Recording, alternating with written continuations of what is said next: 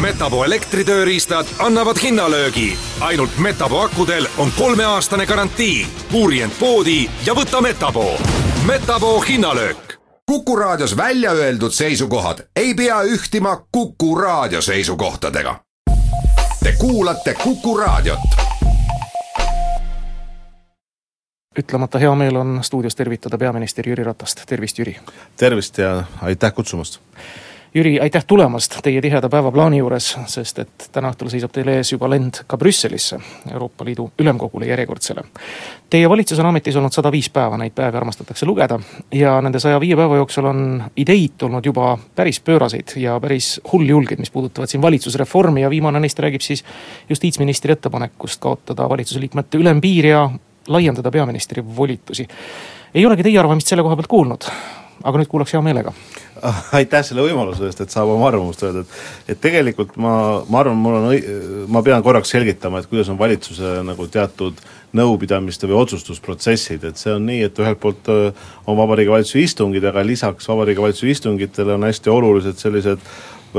ütleme, arutelud. Ja need arutelud on siis tõesti pigem pike, pikemad, tugev, väga põhjalike analüüsidega on see, et mida siis Vabariigi Valitsus ütleme järgnevate sammudega teeb või mida ta plaanib. Ja ja kabineti arutelul on olnud tõesti see, et kuidas ühelt poolt riigi sellist bürokraatiat vähendada, teiselt poolt nagu riigi kõige paremas mõttes nagu äh, operatiivsust valitsustasandil suurendada, on tõesti olnud laua peal mingil hetkel mõtted, et kas võiks olla valitsuses kabineti arv, ütleme see, see arvulagi, mis on täna viisteist maha võtta, on olnud laua peal mõtted, et kas Vabariigi Presidendi ametiaeg on üks kord seitse aastat või nii, nagu on täna kaks ametiaega et need diskussioonid tegelikult lähevad edasi märtsikuu keskpaigas ja siin ei ole mingisuguseid lõppotsuseid langenud mingil põhjusel mõnikord kabinetiistungite arutelud jõuavad ka laiemale avalikkusele, ega see halb ei ole, ega seal midagi salajast ei arutata, aga neid otsuseid langet-, langetatud pole, see, et kas peaministri volitusi suurendada või mitte või see, et kas eh, presidendi ametiaeg on üks või kaks ametiaega, et mina arvan isiklikult, et presidendi ametiaeg on täna päris hästi reguleeritud, et ta on kaks ametiaega ja see on üsna tava ka meie, meie lähi, lähiruumis, aga aga jah, lõppotsused selles osas tulevad veel kord kabinetti siin märtsi, märtsikuu lõpus ja see eeldab ju peale seda, see eeldab väga paljude erinevate seaduste muutusi, et see ei ole nii, et kabinet oma otsuse teeb ja siis see on lõpp, lõppotsus nii palju, kui on lugeda olnud või vähemasti mulje on jäänud, et see valitsemiskorralduse kontseptsioon on suhteliselt juba noh, nii-öelda raamidesse surutud, enam-vähem sellises töömeeleolus, et saab sellega hakata tegelema. küsin siis otse teie arvamise kohta, kas võiks selle ülempiiri ära kaotada, muuta valitsemiskorra lihtsamaks ja selgemaks ülesannete poole pealt, sest nagu välja tuleb, ega peaministri noh, seadusega seotud ülesanne ongi peamine asi, on valitsuse istungid juhatada nojah, ühelt poolt me vaatame, eks ju, mis on seadusega, teiselt poolt me, on alati olemas ja ka, ja ka seadusandlikul puhul, näiteks Riigikogus, alati tuginetakse ka praktikale, et missugune on praktika või tava, mis on ka väga oluline. et äh, peaministri ülesanne on tegelikult lõppkokkuvõttes ju see, et tagada, et täidesaatev võim toimiks tagada see, et Eesti ühiskonnas piisavalt äh, on, mina ütleksin sellist osalusdemokraatiat, piisavalt on inimestel võimalus oma arvamusi öelda, sellega valitsuse liikmed otsustavad ja kui me räägime nüüd istungi juhtimisest, siis see ülesanne on tegelikult suuresti see, et äh, täna on meil viisteist inimest valitsuskabinetis või viisteist ministrit, et panna see töiselt üht, ühte jalga käima või ühtse meeskonnana tööle ja ühel hetkel, kui see enam ei toimi, siis tulevad valitsuse töösse praod sisse, mõrad sisse ja kui need on juba väga suured, siis valitsused ka kukuvad, et jah, et kokku päeva lõpus alati ju vastutab tegelikult peaminister selle meeskonna töö eest, et kas koalitsioonivalitsus toimib või ei toimi Teil on pealt veerand saja istungi olnud juba juhatada selle sada pluss päeva jooksul, võtame kabineti istungid ka juurde. kohati on mulje jäänud, et te olete juhina selles mõttes hea juht, et te lasete ministritel üsna korralikult soleerida oma ideedega. Jevgeni Ossinovski on siin silma paistnud. ka justiitsministril on mõned väga põnevad plaanid olnud, justkui nagu jääb mulje, teinekord, aga ma loodan, et see nii ei ole, et nad tegutsevad justkui nagu teie teadmata ja otsused, mis välja käiakse, puudutavad nad siis makse, puudutavad nad siis äh, riigikorralduse muutust, et äh, need on ikka koalitsiooninõukogus läbi arutatud kõigepealt on läbi arutatud nad ju koalitsiooni tegemisel üldsegi, et kui, kui me koalitsioonilepingut koostasime, teiselt poolt see koalitsioonileping koostatigi teises vaimus ja teise põhimõtte järgi. Ja see põhimõte oli see, et me ei lepi kokku järgnevaks neljakümne kaheksaks kuuks, noh ma pean silmas siis kaheaastast perioodi, et kõik, vabandust, kahekümne neljaks kuuks, et kõik otsused, mis me langetame, on ette kirjutatud koalitsioonilepingusse, et ma, mina ei pea seda õigeks, et ma pean seda õigeks ka läbi oma juhtimiskogemuse, et väga palju asju tuleb igapäevaselt lauale, mis, mida me ei suuda ette näha, et mis juhtub ühe, kahe, kolme või, või viie kuu pärast, kuidas käitub meie majanduskeskkond, mis on erinevad sotsiaalküsimused, et eh, ma arvan, et niisugust kivisse raiu, raiutud koalitsioonilepingut ma tõesti õigeks ei pea. teiselt poolt jah kõik põhimõttelised otsused on läbi arutatud, punkt üks, valitsuskabinetis, valitsuse istungil. koalitsiooninõukogu on ka üks instants, kus võetakse vastu selliseid põhimõttelisi otsuseid, sinna kuuluvad kolme erakonna esindajad, fraktsiooni esindajad, peasekretärid. et ka seal on need asjad läbi arutatud ja kokkuvõttes ju lõppotsused seadusandliku poole pealt ei tee koalitsiooninõukogu, vaid siiski teevad, eks ju, Riigikogu liikmed, kes on oma mandaadis vabad, et äh, võib-olla mis selle valitsusele ühelt poolt, mida ma vaatan nagu ajakirjanduses, mida ette heidetakse, on see, et ühelt poolt ütleb ajakirjandus, et teeb liiga palju otsuseid ja teiselt poolt ütleb ajakirjandus, et nüüd tuleb hakata otsustama. et ma olen äh, nii palju, kui on minul juhtimiskogemust olnud siin Tallinna linnasüsteemis, Riigikogus ja ka ütleme, valitsusvälises organisatsioonis, siis äh, ma lähtun sellest, et otsustama peab, et kui organisatsioon tahab toimida ja valitsus on oluline organisatsioon Eesti elu kaasaaitamisel ja probleemide lahendamisel, siis otsuseid vastu tuleb võtta, et ma tõesti ei poolda sellist nõupidamist, kus me kolm tundi arutame ja siis teeme otsuse, jätkame järgneva kolme tunni arutelud nädala, kahe või kolme pärast. no viimased istungid on kaugelt rohkem kestnud kui kolm tundi. jah, et üks, üks istung tõesti kestis meil pikemalt ja see oli üks kabinetinõupidamine ja siin ei ole midagi era, erakordset, tavaliselt kabinetinõupidamised algavad neljapäeviti kella kahe aega ja lõpevad kuskil kella kuue poole seitsme, aga antud nõupidamine tõesti läks üle süda, südaöö. Aeg ei ole meie sõber, ma pean üle hüppama nüüd järgmisest küsimusest, mis puudutab siis valitsuse töövõite selle saja päeva jooksul, aga sellest on ka palju räägitud loomulikult ja, ja väga tore, et valitsus on noh, avatud olnud oma valitsemisel. aga räägime ka opositsioonist, mis on teinud muidugi oma tööd, kas just hiilgavalt, aga noh, ikka nii, et neid on olnud märgata ja põhjust opositsiooniks nimetada ja nende poolt toodud küsitavused, alkoholiaktsiisi tõus tempos ja moel, kus õiguskantsler on sellele isegi vastu ja juhtinud tähelepanu, et see on põhiseaduse vastane teine lugu on siis, puudutab ühte õnnetut intervjuud ühe valitsuse liikme poolt ja sellele järgnenut. Ja linnahalli taastamise pompöössest ja kallist kavast on kõneldud, metsaseaduse muudatust on kritiseeritud ja ka Rail Baltic on pigemini leidnud vastalisi kui pooldajaid. Te olete ju nende noh, nii-öelda torgetega kursis hästi ja, ja ma ei tea, kuidas neid kogumina siis klattida või mida nende kohta öelda? no ma püüan nii, nagu saatejuht tõstatas hästi lühidalt ka nendele küsimustele või probleemidele anda nagu vastused, kõigepealt alkoholiaktsiisi poliitika ja alkoholiaktsiisi tõus, et mis on see eesmärk, eesmärk on ju see, et inimesed tarbiksid alkoholi vähem, eesmärk on see, et alkoholi kättesaadavus ei ole nii mugav ja nii hea, kui ta on täna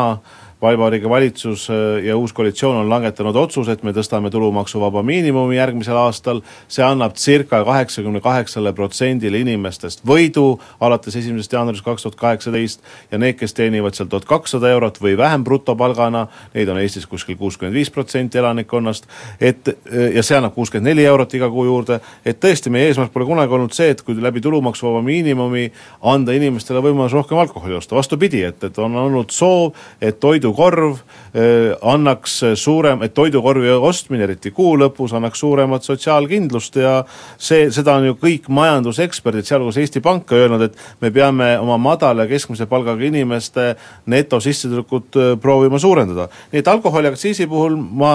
olen selles mõttes õiguskantsleriga täiesti ühel meelel, et siin on õigusselgust vaja ja võib-olla parim viis selle õigusselguse kujundamisel ongi läbi kohtu, kohtulahendi ja ma arvan ka seda, mida õiguskantsler on öelnud, et et tegelikult see põhimõte, et üks valitsus, näiteks tänane valitsus, lööb lukku järgnevaks neljaks, kuueks või kümneks aastaks mingisugused maksumäärad ei ole ju ka õige inimesed valivad uued rii-, uue riigikogu, tuleb uus valitsus, igalühel peab jääma võimalus oma poliitilist programmi kujundada. nüüd teine asi, see ministri aspekt, ma arvan, siin on mõeldud siis Mailis Reps ja tema intervjuud, oskan öelda seda, et äh, mida ma olen ka öelnud, et minister on öelnud siin, ta eksis, ta palub andeks selle eksimuse eest. Ja mina olen öelnud selle peale, et äh, Sputnikule me intervjuusid ei anna. Ja ühelt poolt see näitab ka poliitiku tugevust, kui ta suudab öelda tõesti, et eksis, loomulikult see ei õigusta seda, sest et oleks tulnud küsida ja teha selgeks, kellele intervjuud antakse. nüüd kolmas teema, linnahall, et olen isiklikult linnahalli püüdnud lahendada Tallinna linnapea positsioonilt, ma arvan, et ma ei tee ühelegi Tallinna linnapeale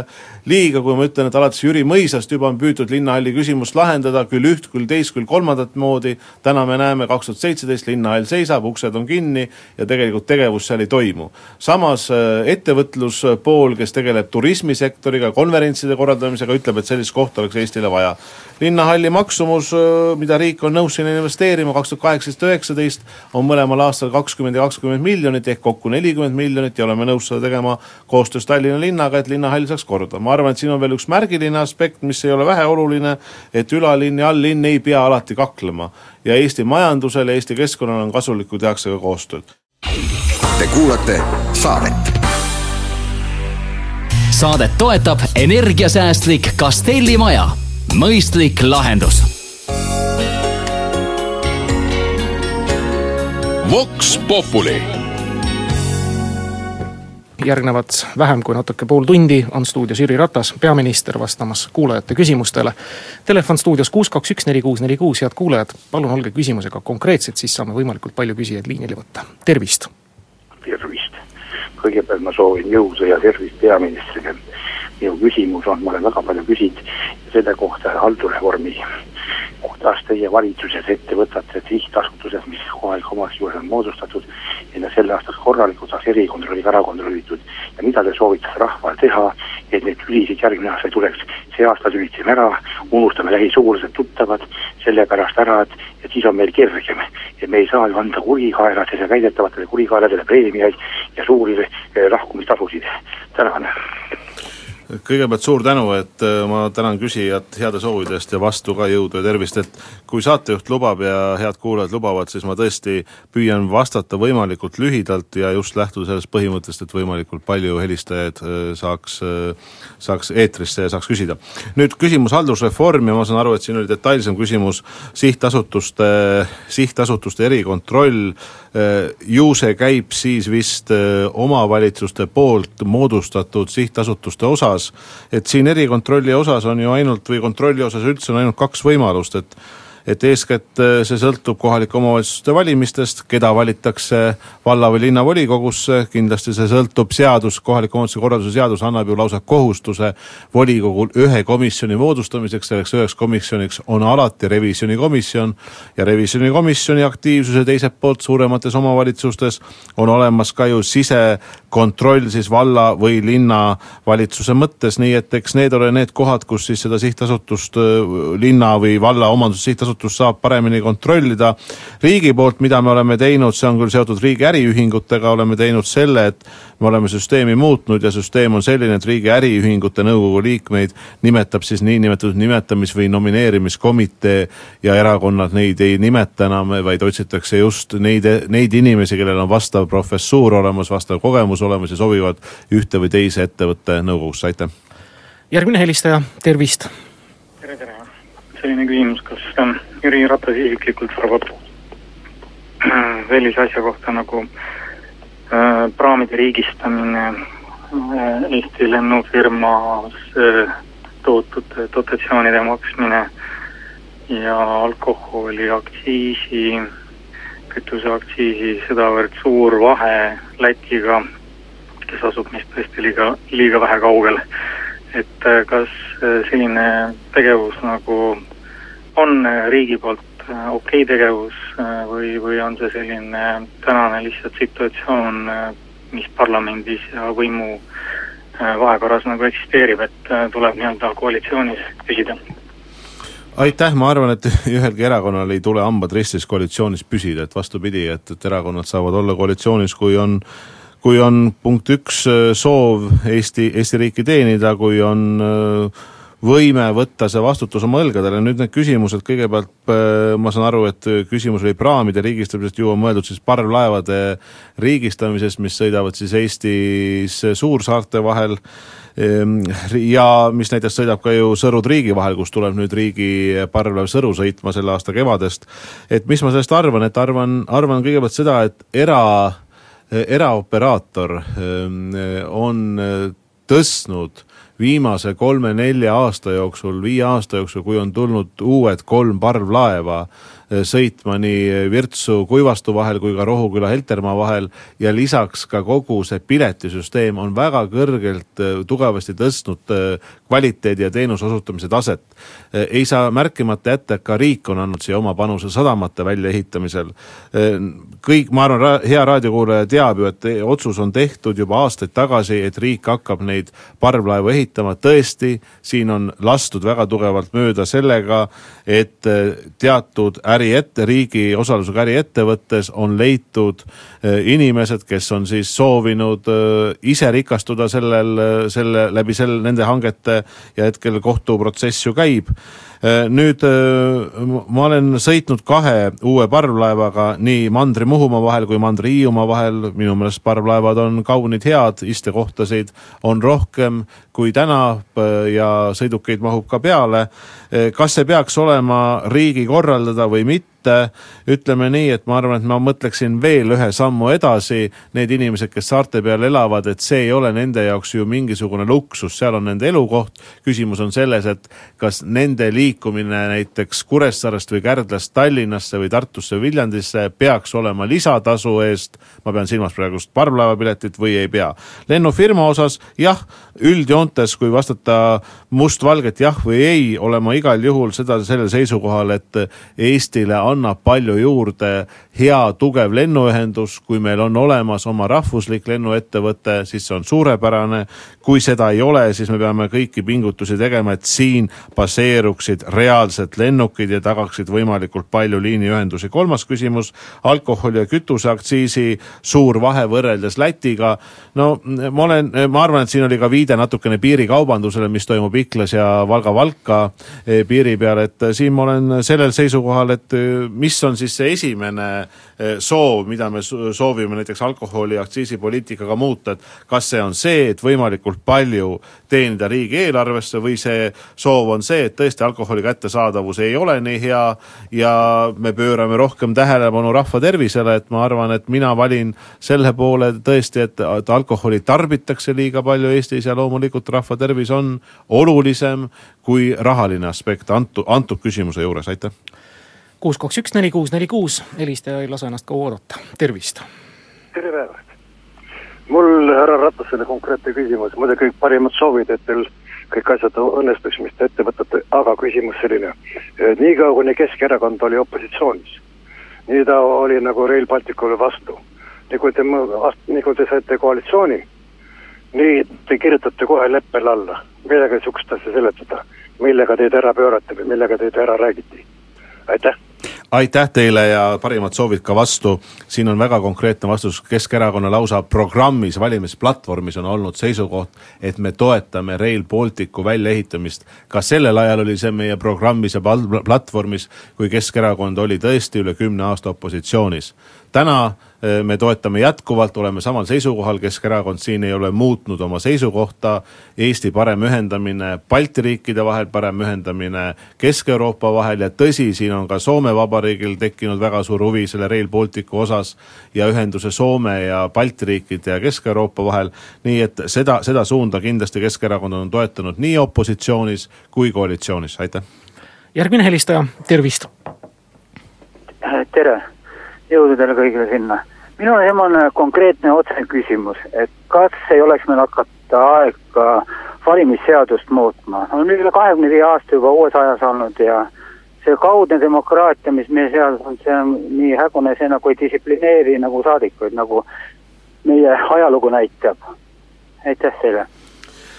jah, aitäh, et jõudu tarvis, et kõigepealt see valimisseaduse muudatus, et mis te nüüd täpselt silmas peate, on mul raske vastu küsida, aga ma püüan siis vastata nii palju, kui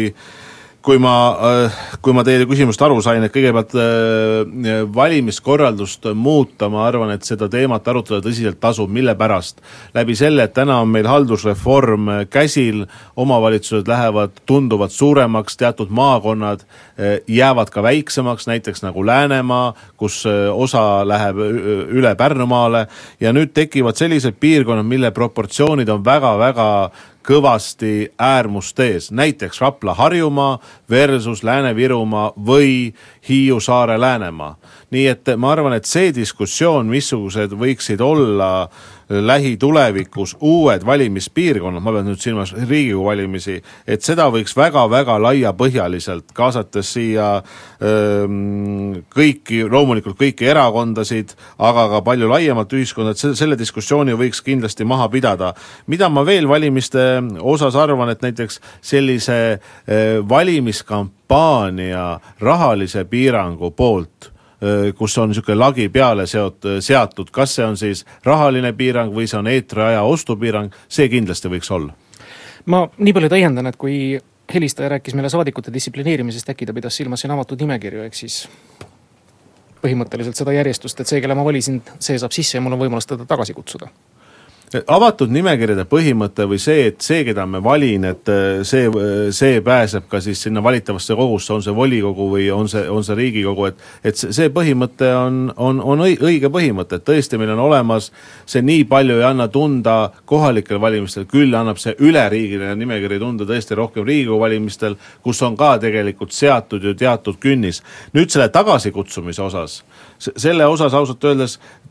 ma ei ole kuulnud veel, missugune selline süsteem siis peaks olema, et kellel on õigus tagasi kutsuda. et kui Jüri Ratas näiteks valitakse Riigikogusse, ta saab seal tuhat ükssada häält, siis on küsimus selles, et kellel on õigus siis tagasi kutsuda, teatavasti meie valimised ja ma loodan, et see nii jääb, et valimissüsteem jääb salajaseks, et inimene teab, kellele ta annab mandaadi ja mitte keegi teine seda ei tea, et me ei saa kuidagi välja selgitada ju, kes need tuhat ükssada inimest olid, kes valisid ühe või teise inimese Riigikogusse kuulame enne reklaamipausi veel viimast küsijat, tervist. Äh, tervist, äh, kiirelt siis see küsimus, ma olen seda mõned teie ministrit juba küsinud. tähendab, millal on kavas hakata alkohoolikuid äh, riigieelarvest raima, nad on selleks vist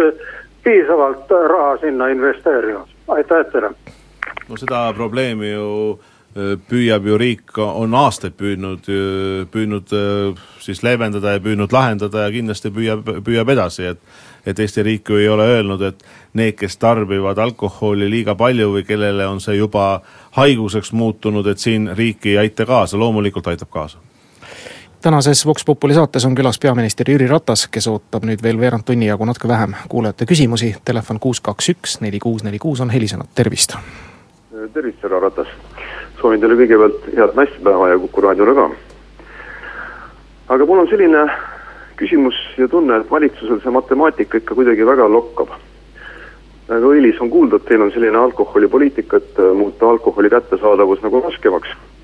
kui arvestada, et üks kolmandik või natuke rohkem on juba käinud seal piiripunktides odavat alkoholi toomas. on teil küsimus ka, vabandust, me tahaks lihtsalt teisi helistajaid ka peale lasta. jah, ja siis on nii, et äh, tegelikult miks te ei taha nagu teha sinna vabamajandustsooni, et raha antaks lihtsalt nagu lätlastele ära ja siis on veel üks küsimus äh, matemaatika koha pealt, et kas lõpeb kunagi ära protsentuaalne pensionide tõstmine? see suuda, äh, suurendab ebavõrdsust veelgi rohkem, aitäh aitäh, äh, kõigepealt selle matemaatika ja alkoholi osas, et mi-, mis ma arvan, et ma arvan seda, et alkohol ei saa olla või alkoholireklaam ei saa olla nagu elustiil. ma tõesti arvan seda. Te nüüd räägite sellest, et järjest rohkem ja rohkem läheb piiri peal alkoholi ostma, ma ei tea, kui, kuidas see ikka on, et kui Põhja-Eesti elanik või Lõuna-Eesti või Kagu-Eesti elan- või ütleme siis Lõuna-Eesti elanik või Kesk-Eesti elanik, kas ta siis sellepärast nüüd sõidab Iklasse või või Valga-Valka piiril, et osta sealt odavamat alkoholi, kui ta sealt tööasjus sõidab või mingil muul põhjusel, võib-olla siis käib sealt poest läbi, aga ma veel kord ütlen, et et see mõte on see, et alkohol ei saa olla elustiil, alkoholiriiulid ei saa olla esimesed riiulid, kui me kauplusesse läheme nüüd äh, äh, ja, ja nii ma arvangi, et kas sinna teha mingisugust äh, vabakaubandus, vabakaubandusala, noh, ma arvan, et ju siin küsimuses oli parasjagu ka, ka irooniat sees, nii et jah, et see on, see on minu seisukoht seoses alkoholipoliitikaga, aitäh. järgmine helistaja, tervist! tere päevast! Lugupeetud peaminister, palun selgitage õpetajatele, mida nad peavad õpetama oma õpilastele tõest ja õigusest pärast seda, kui Mailis Reps, haridusminister, avalikkusele jultunult valetas. ja kas tõepoolest teie valitsuses piisab sellest, kui valetav minister kehitab õlgu, naeratades ütleb, palun vabandust, ma valetasin ja võib karistuseta oma ametit edasi pidada? aitäh, kindlasti õlgade, õlgade kehitamisest ei piisa nagu ma ütlesin, äh, ma olen Mailis Repsiga sellel teemal vestelnud, Mailis Reps on tõesti öelnud, et ta eksis, ta ei olnud piisavalt tähelepanelik, ta on öelnud ka seda, et ta vabandab, mul ei ole tõesti mingit alust, kui vihjatakse sellele, et miks peaminister ei lähe avaldusega Kadriorgu ega ei ütle, et see minister ei sobi enam valitsuskoosseisu, siis ma teen seda ikkagi sellisel hetkel, kui ma näen, et see minister ei sobi üldse oma töösse, et ma olen täielikult äh, täna veendunud, et Mailis Repsil on need kogemused, on need äh, oskused ja teadmised olemas ja ta on ka kolmandat korda haridus-teadusminister, et äh, seda ametit pidada. ma vabandan eelmise helistaja ees seoses pensionitega, ma tahan öelda seda, et täna on meil ju pensionides tõesti see, et esimesest aprillist äh, indekseeritakse taas kord või noh, uuesti pensione, pensionid tõusevad viis koma üks protsenti, lisaks on meil ette nähtud ka üksiku pensionäri toetus, mis on sada viisteist eurot. Ja lisaks see uus tulumaksuvaba miinimumi süsteem annab järgmine järgmisel aastal ka hõlpu ja neto mõttes võitu pensionäridele suurusjärgus kakskümmend eurot kuus, aitäh! järgmine helistaja, tervist! tervist! Mina olen Marje Vunt Tartust ja tahaksin esitada küsimuse. olge hea, palun! jah, tervist, austatud peaminister, mul on selline küsimus kui me räägime, räägi sellest, et, et Eesti peamine ressurss on Eesti haritud inimesed mis on, millele rajaneb ka Eesti majanduskasv, siis Rail Baltica otsetrassi puhul, kui me jätame Tartu kui ülikoolilinna ja hariduskeskuse välja, kuidas me siis eh, oma ressurssi targasti kasutame? sest et mulle tundub, et, et, et see Rail Baltica värk jätab ikkagi Tartu ja kogu Lõuna-Eesti piirkonna välja ja, ja ja Tallinn muutub linnriigiks aitäh, äh, mul on täna kindlasti hea meel seda öelda, et minu soov ei ole üldse see, et Tallinn muutuks linnriigiks ja olen teiega täiesti nõus, et meie peamine ressurss on meie tublid inimesed ja meie haritud inimesed. aga nüüd, kui rääkida sellest Rail Balticust ja küsimus on selles, et miks ta ei lähe läbi Tartu ja Lõuna-Eesti, ütleme siis Rail Balticu trassi ei saa iga nädal tõsta ühest kohast teise, seda ei saa isegi iga aasta tõsta ühest kohast teise. sellele on eelnenud väga pikad analüüsid, sellele on eelnenud maakonnaplaneeringud, sellele on eelnenud läbirääkimised Läti-Leeduga, sellele on eelnenud läbirääkimised Euroopa või Brüsseli tasandil ja on valitud välja trass, on valitud välja see trass, mis tõesti täna Tallinnast liigub läbi Harju, Rapla ja Pärnumaa äh, siis ik-, äh, Läti, Läti, Lätimaa suunas. ja see on see võimalus seda trassi tänasel hetkel rajada, kui me hakkame kaaluma uue, täiesti uue alternatiivse trassi rajamist, siis see tähendab, ma arvan, otsustusprotsessis kuskil kuute-seitset aastat ja see, kas siis selline raudteeühendus tuleb või mitte ja mis on need sanktsioonid, see on ettearvamatu. üldjoontes minu tunnetus on see, et Eesti inimesed ikkagi on olnud läbi aastakümnete väga tugevalt sellist rongiliiklust ja raudteeühendust pooldavad inimesed ja toon ühe näite kas või ka ohutuse ja looduskeskkonna lõikes, et kui üks kaubarong liigub Tallinnast Ülemistelt ütleme siis Riia suunas, siis see tähendab seda, et Tallinn-Pärnu maanteel, kus on viiskümmend veoautot, see üks kaubarong suudab viiskümmend, viiekümne veoauto kogused viia ühele rongile, mis loomulikult tähendab väga olulist liikluse turvalisuse kasvu. kuus, kaks, üks, neli, kuus, neli, kuus on taas helisenud, tervist! tervist! tahaks küsida peaministrilt kas ta peab õigeks seda olukorda, mis kujuneb kahe tuhande kaheksateistkümnendal aastal tulumaksu tagastusega peredele, kus üks liige, pereliige ei saa töötada sellepärast, et ta peab hooldama äh, haiget omast ja ei saa sellepärast tööl käia. kas ta peab seda õigeks? ja see on kõik, aitäh! aitäh! Te puudutasite väga õiget, aga väga rasket teemat, et ma ei pea kordagi õigeks seda, et omastehoolduse puhul peab lähedane inimene üsna sageli tulema ära oma töökohalt, üsna sageli panema sinna ka oma tervise, üsna sageli tekivad äh, väga tõsised äh, probleemid ka ütleme, perekonnas või, või lähikonnas sees, sest lihtsalt see inimene, kes oma selle hooldusega tegeleb, peab olema kakskümmend neli seitse kogu aeg olemas kas see küsimus on riigis hästi lahendatud, ma isegi ei julge öelda piisavalt hästi, loomulikult ei ole ja see on, see on see töö ja see on see küsimus, kus täna lõplikult, kõige, lõplikult otsust ja lahendust ei ole olemas, aga mille osas tuleb edasi töötada. me jõuame telefonil vähemalt ühe helistaja veel vastu võtta, tervist! tere, üks küsimus, kui kaua veel müüakse ära maad, reaalset maad meie jalgade alt? Juba Lätis võetakse vist uusi seadusi vastu. Ja mis puudutab seda Rail Balticut, ülimalt kahjulikku projekti saab iga kell lõpetada, head aega! Aitäh teile, et äh, ma alustan sealt teiselt poolt või teise, teise küsimuse teisest osast, et ülimalt kahjuliku projekti saab iga kell lõpetada, kindlasti, siin ma olen teiega päri, et küsimus on selles, et kas Rail Baltic on ülimalt kahjulik projekt või vastupidi, annab ta Eesti elukeskkonnale, annab ta Eesti majanduskeskkonnale lisavõimalusi et kui me peame silmas seda, et Tallinnast sõidab Pärnusse näiteks neljakümne viie minutiga läbi või tänu Rail Balticule või Tallinnast Riiga kahe tunniga või Tallinnast Kaunasesse kolme poole tunniga, see aitab tõsisemalt tuua ühendust ka Soome Vabariigi ja Eesti vahel ja sealt läheb edasi Baltikumi ja Kesk-Euroopa vahel, siis äh, mina ei ütle, et tegemist on kahjuliku projektiga, vastupidi, ma arvan, et seda võimalust Eestil täna nii suurt investeeringut Euroopa poolt saada ja oma ühendust, oma paremat ühendust tagada, kahjuks meil pole üldse täna ühendust Balti, Balti riikide ja Kesk-Euroopaga, et see, see on oluline. nüüd maa müük, ka, kas see küsimus on seotud võib-olla siis, et palju müüakse maad välismaalastele või